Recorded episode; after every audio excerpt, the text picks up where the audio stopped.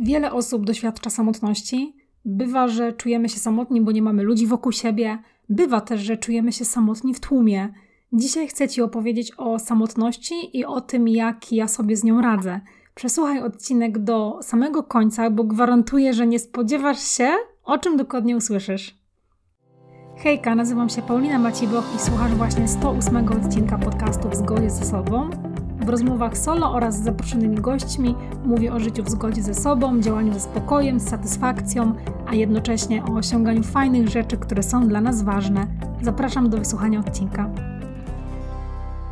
Jeśli słuchasz tego odcinka w aplikacji podcastowej, to będę bardzo wdzięczna za opinię, za ocenę E, lub za recenzję. Jeśli jesteś na Spotify, to możesz ocenić podcast w formie jednej z pięciu gwiazdek, najlepiej pięciu, wiadomo.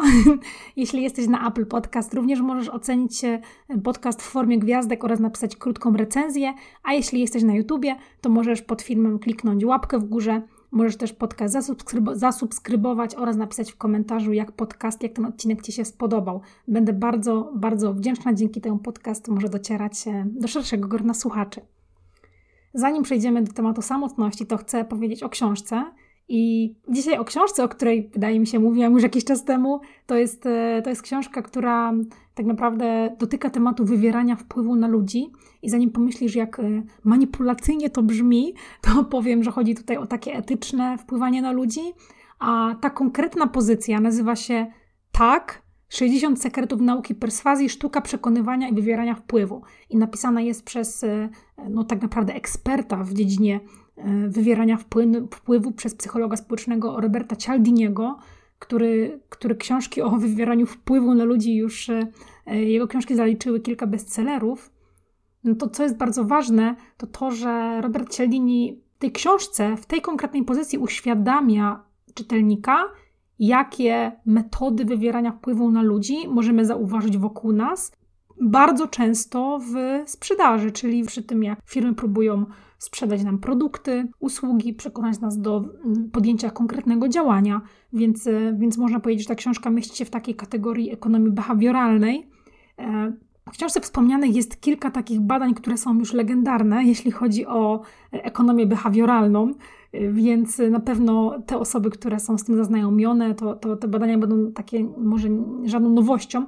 Natomiast no, dla osób, które pracują na przykład w marketingu, to wydaje mi się, że ta książka jest y, kluczowa y, i bardzo ważną lekturą, bo, bo jednak 60 sposobów bazujących na, na psychologii, na tym, jak działają nasze mózgi, mm, jest ciekawym dodatkiem do tego, żeby planować na przykład kampanie sprzedażowe, kampanie promocyjne w taki sposób, żeby faktycznie, etycznie oczywiście przekonywać klienta do, do zakupu.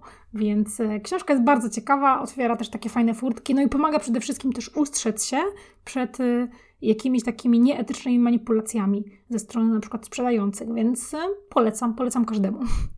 A teraz temat odcinka. Samotność, samotność, samotność, samotność. Skąd ten temat pojawił się w mojej głowie? Wydaje mi się, że trochę tak już się kotłował w niej kilka tygodni bo w odcinku, który nagrywałam z okazji 100 odcinków mojego podcastu, i to było no już 8 tygodni temu, e, więc, więc dwa miesiące, Wtedy zapytaliście mnie, czy mam partnera, i po mojej odpowiedzi w odcinku padło wiele pytań, jak sobie radzę właśnie z samotnością, z, bycią, z, byci, z byciem samą. I te pytania pojawiały się w różnych kanałach, bardzo różnych. Natomiast ostatnio też zapytałam Was na Instagramie, o czym chcecie czytać, i jeden z takich tematów, który powinien się pojawiać, a się nie pojawia za często, to jest właśnie radzenie sobie z samotnością. I stwierdziłam, że, mm, że nagram o tym odcinek, bo w mojej głowie po tych dwóch wydarzeniach e, zaczęły się pojawiać pewne myśli na ten temat, a wczoraj, kiedy zrobiłam sobie taki długi spacer, to te myśli się jakoś tak osadziły w mojej głowie i, e, i zaczęło, za, za, zaczęło po prostu płynąć taki strumień świadomości dotyczący tego, o czym mogłabym powiedzieć.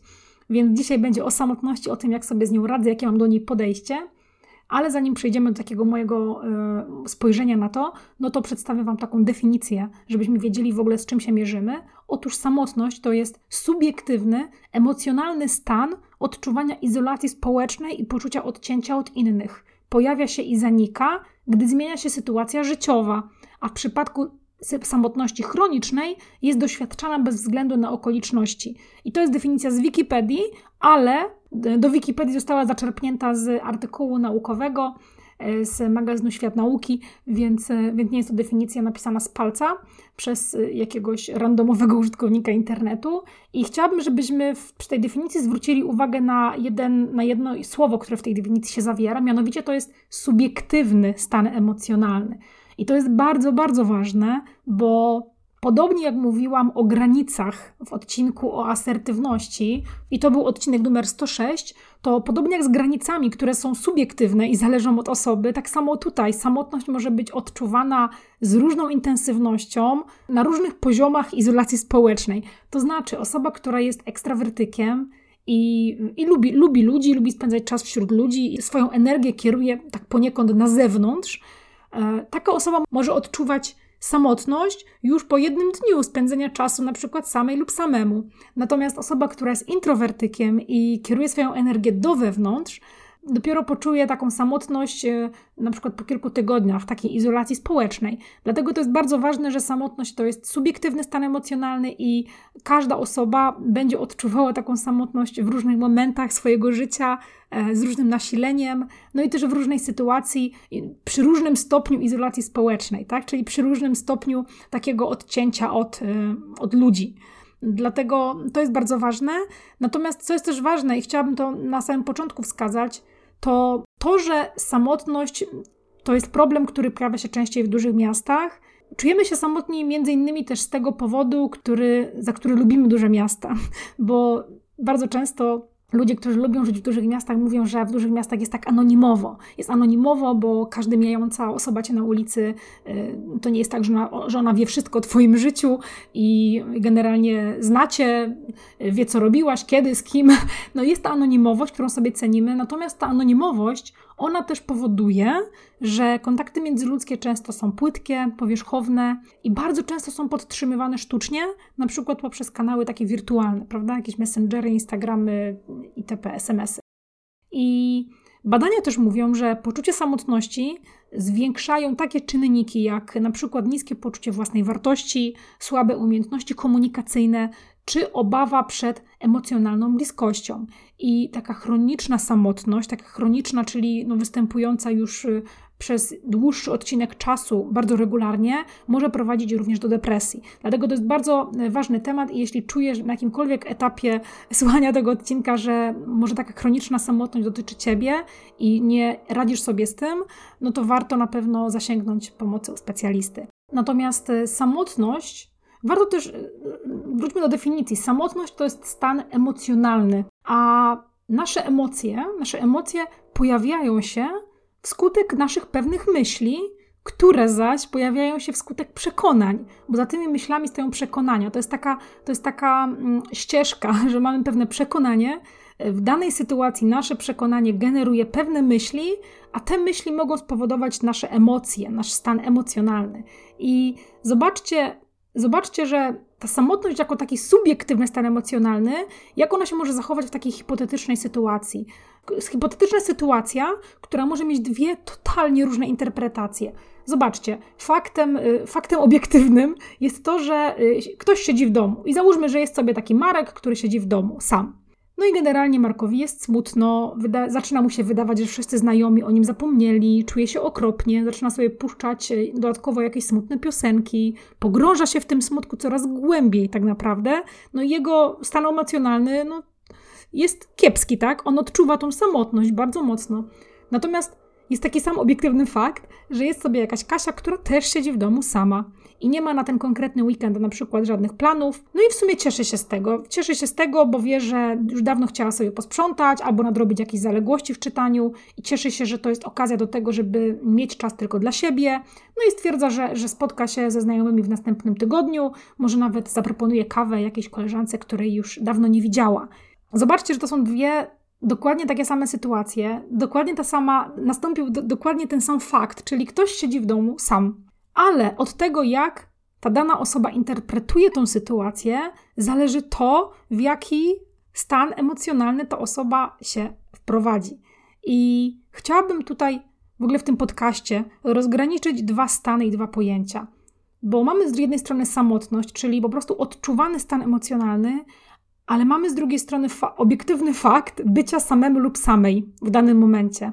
I ja mam wrażenie, że my te stany traktujemy jako tożsame, przez co w momencie, kiedy jesteśmy na przykład sami, nawet krótko, to zaczynamy po prostu odczuwać samotność, bo wydaje nam się, że to, że my jesteśmy teraz sami, to znaczy, że my jesteśmy opuszczeni, odizolowani, nie mamy znajomych i generalnie jesteśmy zostawieni na pastwę losu samodzielnie. I dlaczego w ogóle dzieje się tak, że my to bycie samemu traktujemy jako samotność i przez to wpadamy w ten stan emocjonalny, że, że tą samotność odczuwamy?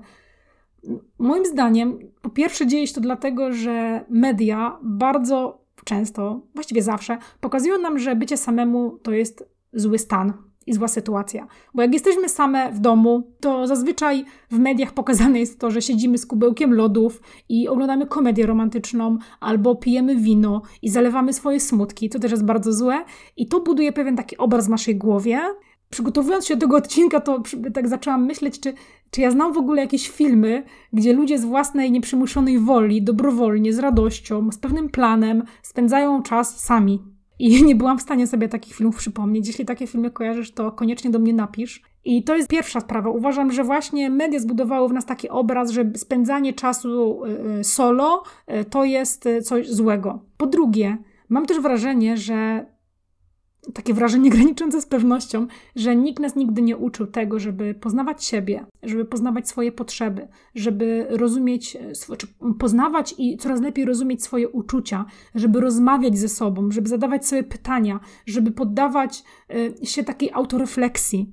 Przez co, kiedy my zostajemy sami ze sobą, to zaczynamy, zaczynamy się czuć w ogóle jakoś dziwnie, zaczynamy się czuć nieswojo, zaczynamy się czuć niekomfortowo, bo po prostu nie jesteśmy w kontakcie ze sobą. Nie znamy sami siebie. A bycie w kontakcie ze sobą jest tak samo ważne, czy nawet zaryzykuję stwierdzenie, yy, oczywiście jest to moje zdanie, że jest, bycie w kontakcie ze sobą jest ważniejsze niż bycie w kontakcie z innymi.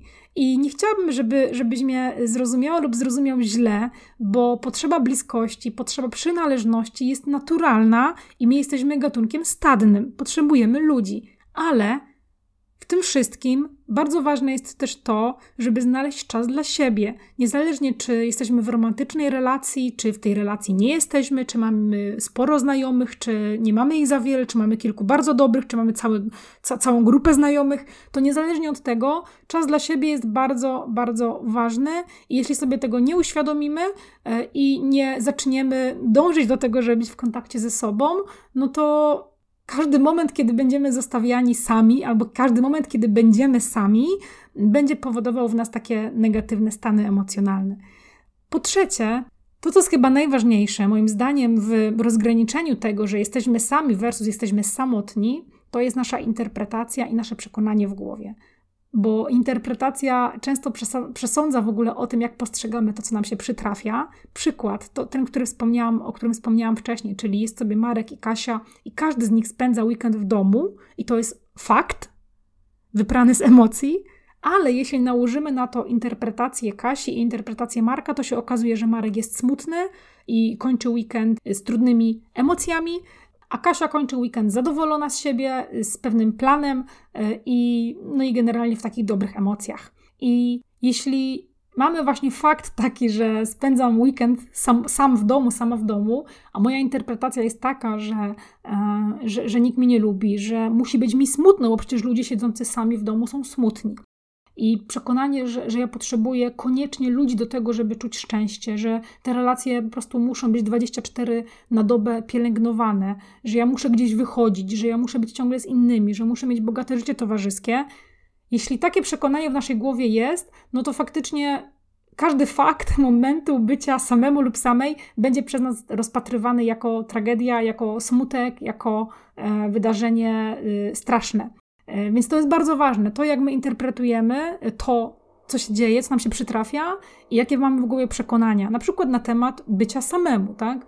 Po czwarte, to, co też, co też jest bardzo ważne i ma ogromny tutaj wpływ na to, jak postrzegamy bycie samemu, to jest e, porównywanie się z innymi. No i niestety w dobie mediów społecznościowych, gdzie każdy tak właściwie w mediach społecznościowych pokazuje taki najlepszy kawałek swojego życia, a najlepszy mówię mm, w cudzysłowie, bo, bo najlepszy, czyli taki, który chce, żeby inni ludzie widzieli. I zazwyczaj są to właśnie jakieś e, no, momenty do tego, żeby się po prostu pochwalić, czyli jakieś zdjęcia z podróży, z wypadów do kawiarni, zdjęcia kawy, jakieś wspólne wyjazdy, spotkania towarzyskie.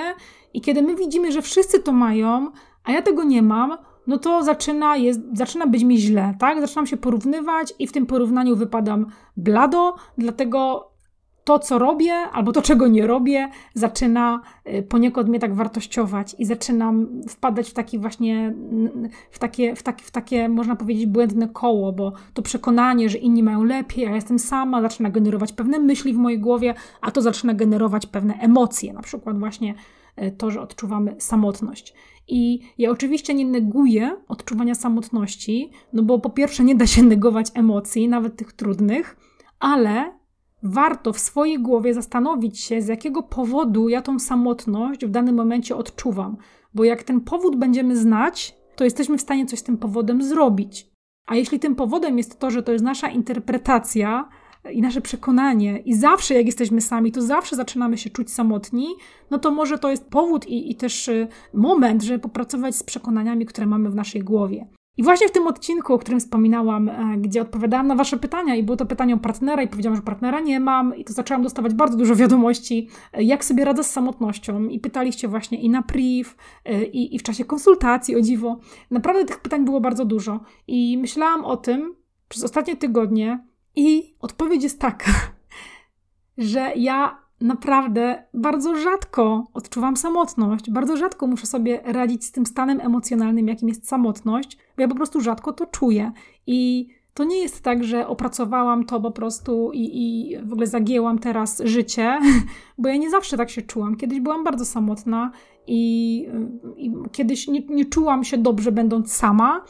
I, I ta samotność mi faktycznie towarzyszyła często, natomiast doszłam do miejsca, w którym rzadko odczuwam tą samotność, a kiedy już ją odczuwam, no to wiem też, jak sobie z takim, z takim mm, stanem emocjonalnym radzić. I co ja w ogóle robię, co można robić, żeby samotność nam po prostu nie doskwierała i żeby tak często nas nie dopadała. Więc po pierwsze, to mm, zacznę od tego, co jest moim zdaniem najważniejsze i takim, co jest takim fundamentem tego wszystkiego, o czym powiem zaraz, to jest nastawienie i przekonania. Bo jeśli my faktycznie będziemy traktować każdy fakt bycia samemu lub samej jako taką izolację społeczną, to będzie nas to po prostu wprowadzać w stan samotności, tak? W odczuwaną, w odczuwany stan samotności. Więc to jest praca, którą musimy przerobić we własnej głowie, z naszymi przekonaniami, bo nasze emocje wywoływane są przez nasze przekonania i przez myśli, które się y, wskutek tych przekonań w naszej głowie rodzą. I jeśli ta myśl automatyczna będzie taka, że okej, okay, jest fakt, spędzam czas sama.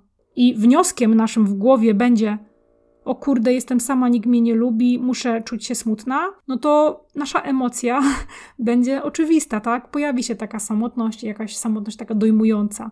Ale my mamy wpływ na ten nasz stan emocjonalny. Możemy mieć wpływ na to, jakie myśli nam się pojawiają w głowie, możemy pracować z własnymi przekonaniami. I tutaj odsyłam do odcinka o przekonaniach, który też był e, opublikowany całkiem niedawno. To jest odcinek numer 103. To jest jeden z popularniejszych odcinków, więc serdecznie Was zachęcam do tego, żeby do tego odcinka sobie zajrzeć i zacząć sobie takie przekonania uświadamiać, bo może jednym z tych przekonań jest właśnie to, że jeśli ja spędzam czas solo, to znaczy, że ja nie mam znajomych, albo że nikt mnie nie lubi, albo że musi być mi smutno. Więc y, warto sobie, warto sobie coś takiego w głowie przerobić i zastanowić się, e, jak ja bycie samej, samemu w danym momencie traktuję. Kolejnym, kolejnym takim krokiem do tego, żeby samotność nam nie doskwierała, to jest, y, to jest szukanie szczęścia w sobie, a nie szukanie szczęścia na zewnątrz. I bardzo często, czy w relacjach romantycznych, czy nawet w relacjach przyjacielskich, to mam wrażenie, że, że ludzie szukają kogoś, kto po prostu da im szczęście. I to swoje szczęście Po prostu zrzucamy, zrzucamy odpowiedzialność za nasze szczęście na drugą osobę, co w ogóle po pierwsze jest y, bardzo ciężkim brzemieniem dla tej osoby, która na przykład, z którą na przykład zaczynamy się spotykać i w tym momencie ta osoba zaczyna być odpowiedzialna za nasze szczęście. Y, to przecież to nie jest ludzie sobie nie, nie, nie poradzą z, z, tak ogromnym brzemieniem, czyli uszczęśliwienie kogoś. I to, to, też jest bardzo niestabilne i niestałe, bo na przestrzeni życia mamy wiele relacji i one się zaczynają i też się naturalnie kończą. I ludzie przychodzą, ludzie odchodzą. I to może jest banał, ale to jest prawdziwy banał, że jeśli my nie będziemy szczęśliwi sami ze sobą, to nigdy nie znajdziemy szczęścia w relacji z innymi. Bo jeśli zawsze będzie nam czegoś brakować w tych relacjach, zawsze będziemy też drżeć z takiego strachu, że to szczęście nam się zaraz z rąk wywinie. Nawet jeśli ktoś da nam teoretycznie szczęście, to my będziemy zastanawiać się, ok, no ale ta osoba w takim razie może odejść, tak, i zabrać to nasze szczęście ze sobą. I co wtedy? Dlatego szukanie szczęścia w sobie, a nie na zewnątrz, jest kolejnym ważnym krokiem. Kolejnym, trzecim ważnym krokiem do tego, żeby nie odczuwać samotności, często jest, y, jest określenie w ogóle, co ja lubię robić. Bo jeśli my spędzamy czas na tym, co lubimy robić, co nam sprawia frajdę, co daje nam, e, daje nam spełnienie, co daje nam przyjemność, no to nie będziemy czekać na drugą osobę, aż będziemy mogli robić te rzeczy z nią. Bo ja mam czasem takie wrażenie, że że myślimy, że a, my to będziemy dopiero super spędzać czas, jak będziemy w parze. Będziemy wtedy jeździć w ogóle na jakieś wyjazdy weekendowe, będziemy chodzić do kina, do kawiarni, będziemy jeździć na wakacje, będziemy robić to, to, to, to. Będziemy wszystko robić, a w momencie, kiedy my w tej parze nie jesteśmy, jesteśmy solo, to zaczynamy rezygnować ze wszystkiego.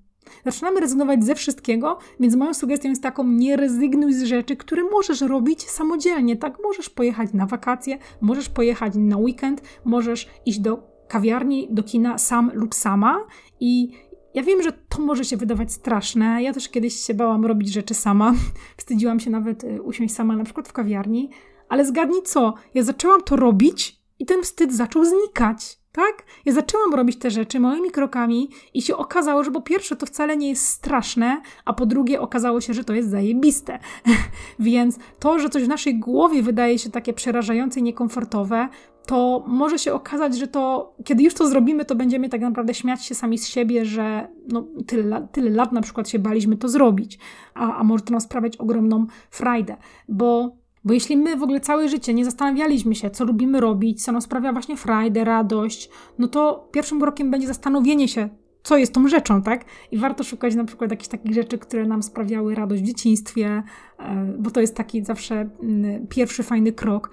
I chodzi o próbowanie i eksperymentowanie z tymi rzeczami, tak? Nie, że zastanawianie się w głowie, a co by było, gdybym zapisała się na tenisa, tylko zapisanie się na tenisa i sprawdzenie, czy to daje mi radość, czy to mnie cieszy, czy to sprawia, że spędzam swój czas z radością. I Chodzi właśnie o to, żeby tym życiem naszym, które sobie płynie, co nie, się cieszyć już teraz, a nie czekać na osobę, z którą się będziemy mogli tym naszym życiem cieszyć. Bo prawda jest taka, że my nie mamy wpływu na to, czy my taką osobę spotkamy dzisiaj, za tydzień, za rok, za pięć czy za piętnaście lat. No i co? I będziemy czekać na tą osobę, będziemy aktywnie czekać na tą osobę i co będziemy czekać z tym, żeby się w ogóle cieszyć naszym życiem i to życie będzie nam sobie mijać, ten czas, którego oczywiście nie odzyskamy, a my będziemy sobie siedzieć i czekać. I jeszcze będziemy coraz bardziej smutni, no bo po pierwsze będziemy czekać, a po drugie nie będziemy spędzać tego czasu tak, jak byśmy chcieli. Więc to jest po prostu no, głupie. to jest głupie, bo jeśli potraktujemy ten czas spędzony solo, samemu, samej, to może to być świetna okazja do robienia zajebistych rzeczy, do, do, do swoich pasji, do próbowania nowych sportów, do próbowania nowych aktywności i to może być super okazja, a nie kolejny dowód na to, że, że w naszym życiu w ogóle jest pustka albo że nikogo nie ma. Oczywiście warto dodać ponownie, że jeśli odczuwamy samotność chronicznie, czyli bardzo długo i e, z różną intensywnością i czujemy, że nie jesteśmy w stanie sobie z tym poradzić, chociaż na przykład próbowaliśmy, no to warto też się udać do, do specjalisty, do psychologa, do psychoterapeuty, żeby móc, e, żeby móc po prostu pozwolić sobie pomóc. Mm. Ok, czwarty, kolejny krok do tego, żeby nie czuć samotności, jest samopoznanie i samoświadomość. I tutaj e, samopoznanie, samoświadomość to jest temat, który bardzo często się pojawia w moich e, odcinkach podcastu i nawet nagrywałam odcinek dokładnie na ten temat, e, numer, odcinek numer 88 i jego tytuł to był A gdyby tak pobyć ze sobą, więc powiedziałabym, że ten odcinek 88 to jest odcinek konieczny po przesłuchaniu właśnie tego odcinka, którego teraz słuchasz. Bo jeśli poznajemy siebie, jeśli poznajemy swoje motywy postępowania, swoje preferencje, zaczynamy rozumieć swoje uczucia, swoje emocje, zaczynamy dostrzegać, jakie myśli stoją na przykład za naszymi emocjami, i im lepiej siebie rozumiemy i im, im tak intensywniej zaczynamy pracować nad sobą, na przykład szlifować swoje mocne strony, pracować ze swoimi przekonaniami, rozumieć swoje zachowania, wiedzieć z czego wynikają, w tym większym kontakcie ze sobą jesteśmy i czujemy się sobie bliżsi. Bo to jest taka relacja, w którą my zaczynamy inwestować, tak? Zaczynamy inwestować nasz czas, naszą energię, naszą uwagę. Często też inwestujemy pieniądze, na przykład w rozwój swoich mocnych stron, albo w na przykład pójście na, na coaching, albo na terapię. To kiedy my w taką relację z samym sobą, z samą sobą zaczynamy inwestować, to czujemy się też sobie bliżsi i czujemy się bardziej w kontakcie ze sobą. I to jest bardzo ważne. To jest bardzo ważne, żeby inwestować w relacje ze sobą. I nie mówię tylko o pieniądzach, ale mówię też między innymi o czasie. A to oznacza spędzanie ze sobą czasu. Czyli znowu celowe spędzanie ze sobą czasu, czyli można powiedzieć, że celowe bycie samotnym, y, ale nie chcemy tego tak postrzegać, prawda? Chcemy to postrzegać jako spędzanie ze sobą czasu, tak? Na na przykład poznawaniu siebie, co jest no nie jest takim oczywistym krokiem, e, dlatego też polecam przesłuchać odcinek numer 88, ale to bardzo zmienia perspektywę i zmienia postrzeganie tego czasu, który spędzamy ze sobą. Więc bardzo polecam takie zagłębienie się trochę w siebie, i może to brzmieć trochę enigmatycznie i tajemniczo, więc jeśli nie wiesz, jak to zrobić, to zachęcam Cię też do przesłuchania odcinka numer 88. Tam będzie więcej szczegółów, ale samo, czy samo poznanie i samo pogłębianie samoświadomości jest kluczowe, jeśli chodzi o to, żeby traktować ten czas spędzany ze sobą jako coś dobrego, jako inwestycję w siebie, jako moment na refleksję, moment na e, poznanie siebie, moment na taką inwestycję w relacje ze sobą. Więc to jest bardzo, bardzo ważne. Natomiast słuchajcie, to nie jest tak, że jestem maszyną i że mam 100% kontroli nad swoimi myślami, nad swoimi przekonaniami, uczuciami, bo ja mam masę nieprzepracowanych rzeczy w głowie. I, I, oczywiście pojawiają mi się czasem trudne emocje, w tym też ten stan emocjonalny, jakim jest samotność. I co ja robię, kiedy taką samotność zaczynam odczuwać? Otóż to jest bardzo łatwe, ale może nieoczywiste. Kiedy ja odczuwam samotność, to podejmuję działanie w stronę zmiany tej sytuacji, bo bywa, że czujemy się samotni, ale pytanie, czy my w ogóle robimy wtedy cokolwiek w stronę tego, żeby się samotnie nie czuć. I mowa tutaj o takich prostych rzeczach, jak wykonanie telefonu do bliskiej osoby, jak umówienie spotkania z kimś i pójście na to spotkanie, jak y, zapisanie się na jakieś, nie wiem, warsztaty kulinarne, na jakiś nowy sport, na wspinaczkę, na jakieś, y, pójście na jakieś warsztaty dla kobiet, gdzie mogę na przykład spotkać nowe osoby, bo chodzi właśnie o to, żeby albo nawiązać kontakt z obecnymi znajomymi, tak, z, obec- z osobami, które znamy, lub poznać nowe osoby. I nie chodzi o to, żeby zaraz jechać na wycieczkę dookoła świata, ale chodzi o to, żeby zrobić mały krok w stronę tego, żeby tą sytuację zmienić. I no, w przypadku samotności nie ma takiej czarodziejskiej różdżki, która po prostu sprawi, że nagle przestaniesz czuć się samotna lub samotny. Po prostu czasem trzeba tych ludzi wokół nas poszukać. I Możesz myśleć, że a, ja tam się wstydzę, w sumie nie mam czasu w ogóle iść na jakieś nowe zajęcia, nie umiem e, rozmawiać z ludźmi, nie umiem zrobić tego kroku. I w takich momentach po prostu musisz sobie odpowiedzieć na zajebiście ważne pytanie: co jest silniejsze u ciebie? Czy silniejsze jest uczucie samotności, czy silniejszy jest wstyd przed tym, żeby na przykład do kogoś zagadać, albo żeby gdzieś pójść na jakieś zajęcia i poznać nowe osoby? Bo jeśli ten wstyd jest silniejszy, to pytanie, czy ty naprawdę czujesz tą samotność i czy ta samotność ci przeszkadza? Czy ty chcesz ją zmienić? Skoro silniejszy jest ten wstyd przed tym, żeby gdzieś wyjść, albo przed tym, żeby do kogoś zagadać. Bo bywa tak, że my czujemy się samotni, ale nie na tyle, żeby w ogóle coś zmienić. I bywa, że nam się po prostu nie chce włożyć energii, czasu i wysiłku w to, żeby tą sytuację zmienić, bo umówmy się, że nawiązanie takiego głębszego kontaktu z drugim człowiekiem wymaga zaangażowania czasu, energii, e, naszej uwagi. I to nie jest taki natychmiasto, natychmiastowy proces gratyfikacji, jak polajkowanie czyjegoś zdjęcia na Facebooku. Musimy jednak wyjść, musimy też trochę się otworzyć, musimy trochę pokazać takiego wrażliwego brzuszka, musimy być gotowi też na to, że relacje z drugim człowiekiem mogą nas zranić, ale żeby to zrobić, no to trzeba sobie właśnie odpowiedzieć na to bardzo ważne pytanie: czy ja chcę coś zmienić? Czy mi na tyle przeszkadza moja samotność, że ja chcę włożyć energię, czas i wysiłek? Bo samotność czasem będziemy odczuwać i to jest trudna emocja, z którą można sobie poradzić, tak? Ale można też ten stan zmienić po prostu. I to zależy tylko i wyłącznie od ciebie. Dlatego tak ważne jest pytanie to, czy silniejsza w danym momencie jest Twoja samotność, czy silniejszy jest wstyd przed tym, żeby na przykład do kogoś zagadać, albo czy silniejsza jest niechęć do inwestowania czasu, energii w to, żeby na przykład poznać nowe osoby, czy żeby wyjść do, do jakichś ludzi. I jeszcze odnośnie takiej samotności w ujęciu romantycznym, tutaj polecę taką trochę prywatą, tak, taki, taka osobista wstawka, że po tym odcinku dostałam takie ciekawe pytanie, jak to jest, że ja nie mam partnera? I, i, I, w sumie nie wiedziałam, jak na to odpowiedzieć. Dopiero zastanowiłam się nad tym i mam dzisiaj gotową odpowiedź. Bo słuchajcie, no ja po prostu w pewnym momencie życia, w obecnym momencie życia, odpowiedziałam sobie na pytanie, czy te chwilowe uczucia samotności, które ja odczuwam, odczuwam je rzadko, czy one są na tyle silne, że warto jest poświęcić energię, czas, uwagę, zaangażowanie na jakieś takie aktywne poszukiwanie i podejmowanie takich celowych działań, dzięki którym mogłabym na przykład kogoś poznać. I otóż na dzisiaj moja odpowiedź brzmi nie. po prostu nie. To uczucie samotności, które jest bardzo rzadkie, nie jest tak silne. I czy to oznacza, że ja jestem zamknięta w ogóle na relacje? No nie, oczywiście, że nie.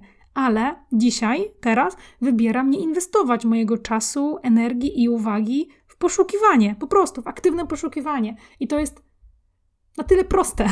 Oczywiście nie dochodziłam do tego pytania, yy, nie doszłam do tego pytania z dnia na dzień, tak? natomiast, natomiast to pytanie, co jest silniejsze? Czy to, że jesteś samotna, samotny i odczuwasz ten stan, czy to, że na przykład nie chcesz poświęcić czasu, energii, uwagi, albo się wstydzisz wykonać jakieś działanie? Co jest silniejsze? No nie ma zmiany bez zmiany, tak? Nie zmienimy stanu jakiegoś, nie podejmując żadnego działania. No więc nie wiem, czy powiedział to Albert Einstein, czy ktokolwiek inny, nie pamiętam, ale jest taki cytat, że szaleństwem jest robić cały czas to samo i oczekiwać innych rezultatów. Jeśli jesteś samotna, samotny, no to szaleństwem jest to, że siedzisz cały czas w domu i zastanawiasz się, no dobra, to kiedy ta samotność minie? Kiedy pojawią się ludzie w magiczny sposób. Jeśli nic nie zrobisz, jeśli będziesz cały czas robić to samo, no to nie można spodziewać się innego rezultatu. Trzeba coś zmienić. Trzeba wprowadzić jakiś, jakąś zmienną. Trzeba wprowadzić jakieś nowe działanie. Więc tym działaniem może być właśnie wyjście do ludzi, zapisanie się na jakieś zajęcia. Ja myślę, że gdybym e, czuła taką dojmującą samotność w kontekście jakiejkolwiek relacji, to na pewno zapisałabym się na jakieś fajne zajęcia. Takie, które po pierwsze dałyby mi fan i frajdę, na przykład nie wiem, warsztaty kulinarne z kuchni hiszpańskiej e, albo indyjskiej. Na pewno zapisałabym się na jakieś zajęcia, gdzie mogę też poznać nowe osoby. Na pewno bym to zrobiła. Albo zapisałabym się na jakiś taki, nie wiem, załóżmy weekendowy wyjazd do, e, do jakiegoś dużego miasta. Taki e, dla singli, gdzie na przykład jest bardzo dużo ludzi, którzy są sami i mogą też spędzać czas razem. Więc myślę, że zrobiłabym coś takiego. Więc jeśli szukasz takiej drogi, to może to Cię zainspiruje. I na sam koniec pamiętajcie, proszę, że samotność to jest stan emocjonalny. To nie jest obiektywny fakt. To jest stan emocjonalny i my często mamy wpływ na to, czy samotnie będziemy się czuć, czy nie będziemy się tak czuć. I bycie samemu, bycie samej nie równa się samotności. To jest tak samo jak bycie wśród tłumu ludzi nie równa się niebyciu samotnym, tak? Można być też samotnym wśród tłumu ludzi. Bardzo wiele tutaj zmienia nasza interpretacja tej sytuacji, ale w momencie już, kiedy my faktycznie czujemy tą samotność i nam to przeszkadza, no to warto po prostu zadać sobie pytanie, co ja mogę z tym zrobić. No i to zrobić.